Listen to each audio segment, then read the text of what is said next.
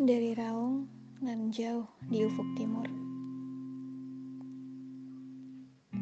Darimu aku belajar bahwa alam selalu melindungi ke mana pun kita pergi selagi kau bersikap baik kepadanya. Tidak merusak, membawa pulang sampah, misalnya.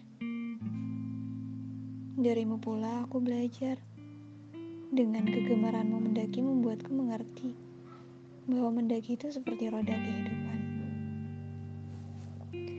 Sebelum akhirnya kita tiba di puncak kebahagiaan dalam hidup, kita harus mau tak mau melewati berbagai rintangan yang sulit dan sering kali membuatmu ingin menyerah. Darimu, aku juga belajar ego pernah hampir menghancurkan masing-masing dari kita menjadi dua orang asing yang kemudian melupa.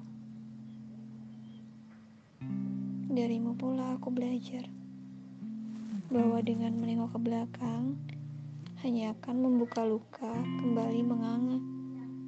Namun dengan menengok ke belakang, aku mampu mengucap syukur karena telah berhasil melaluinya.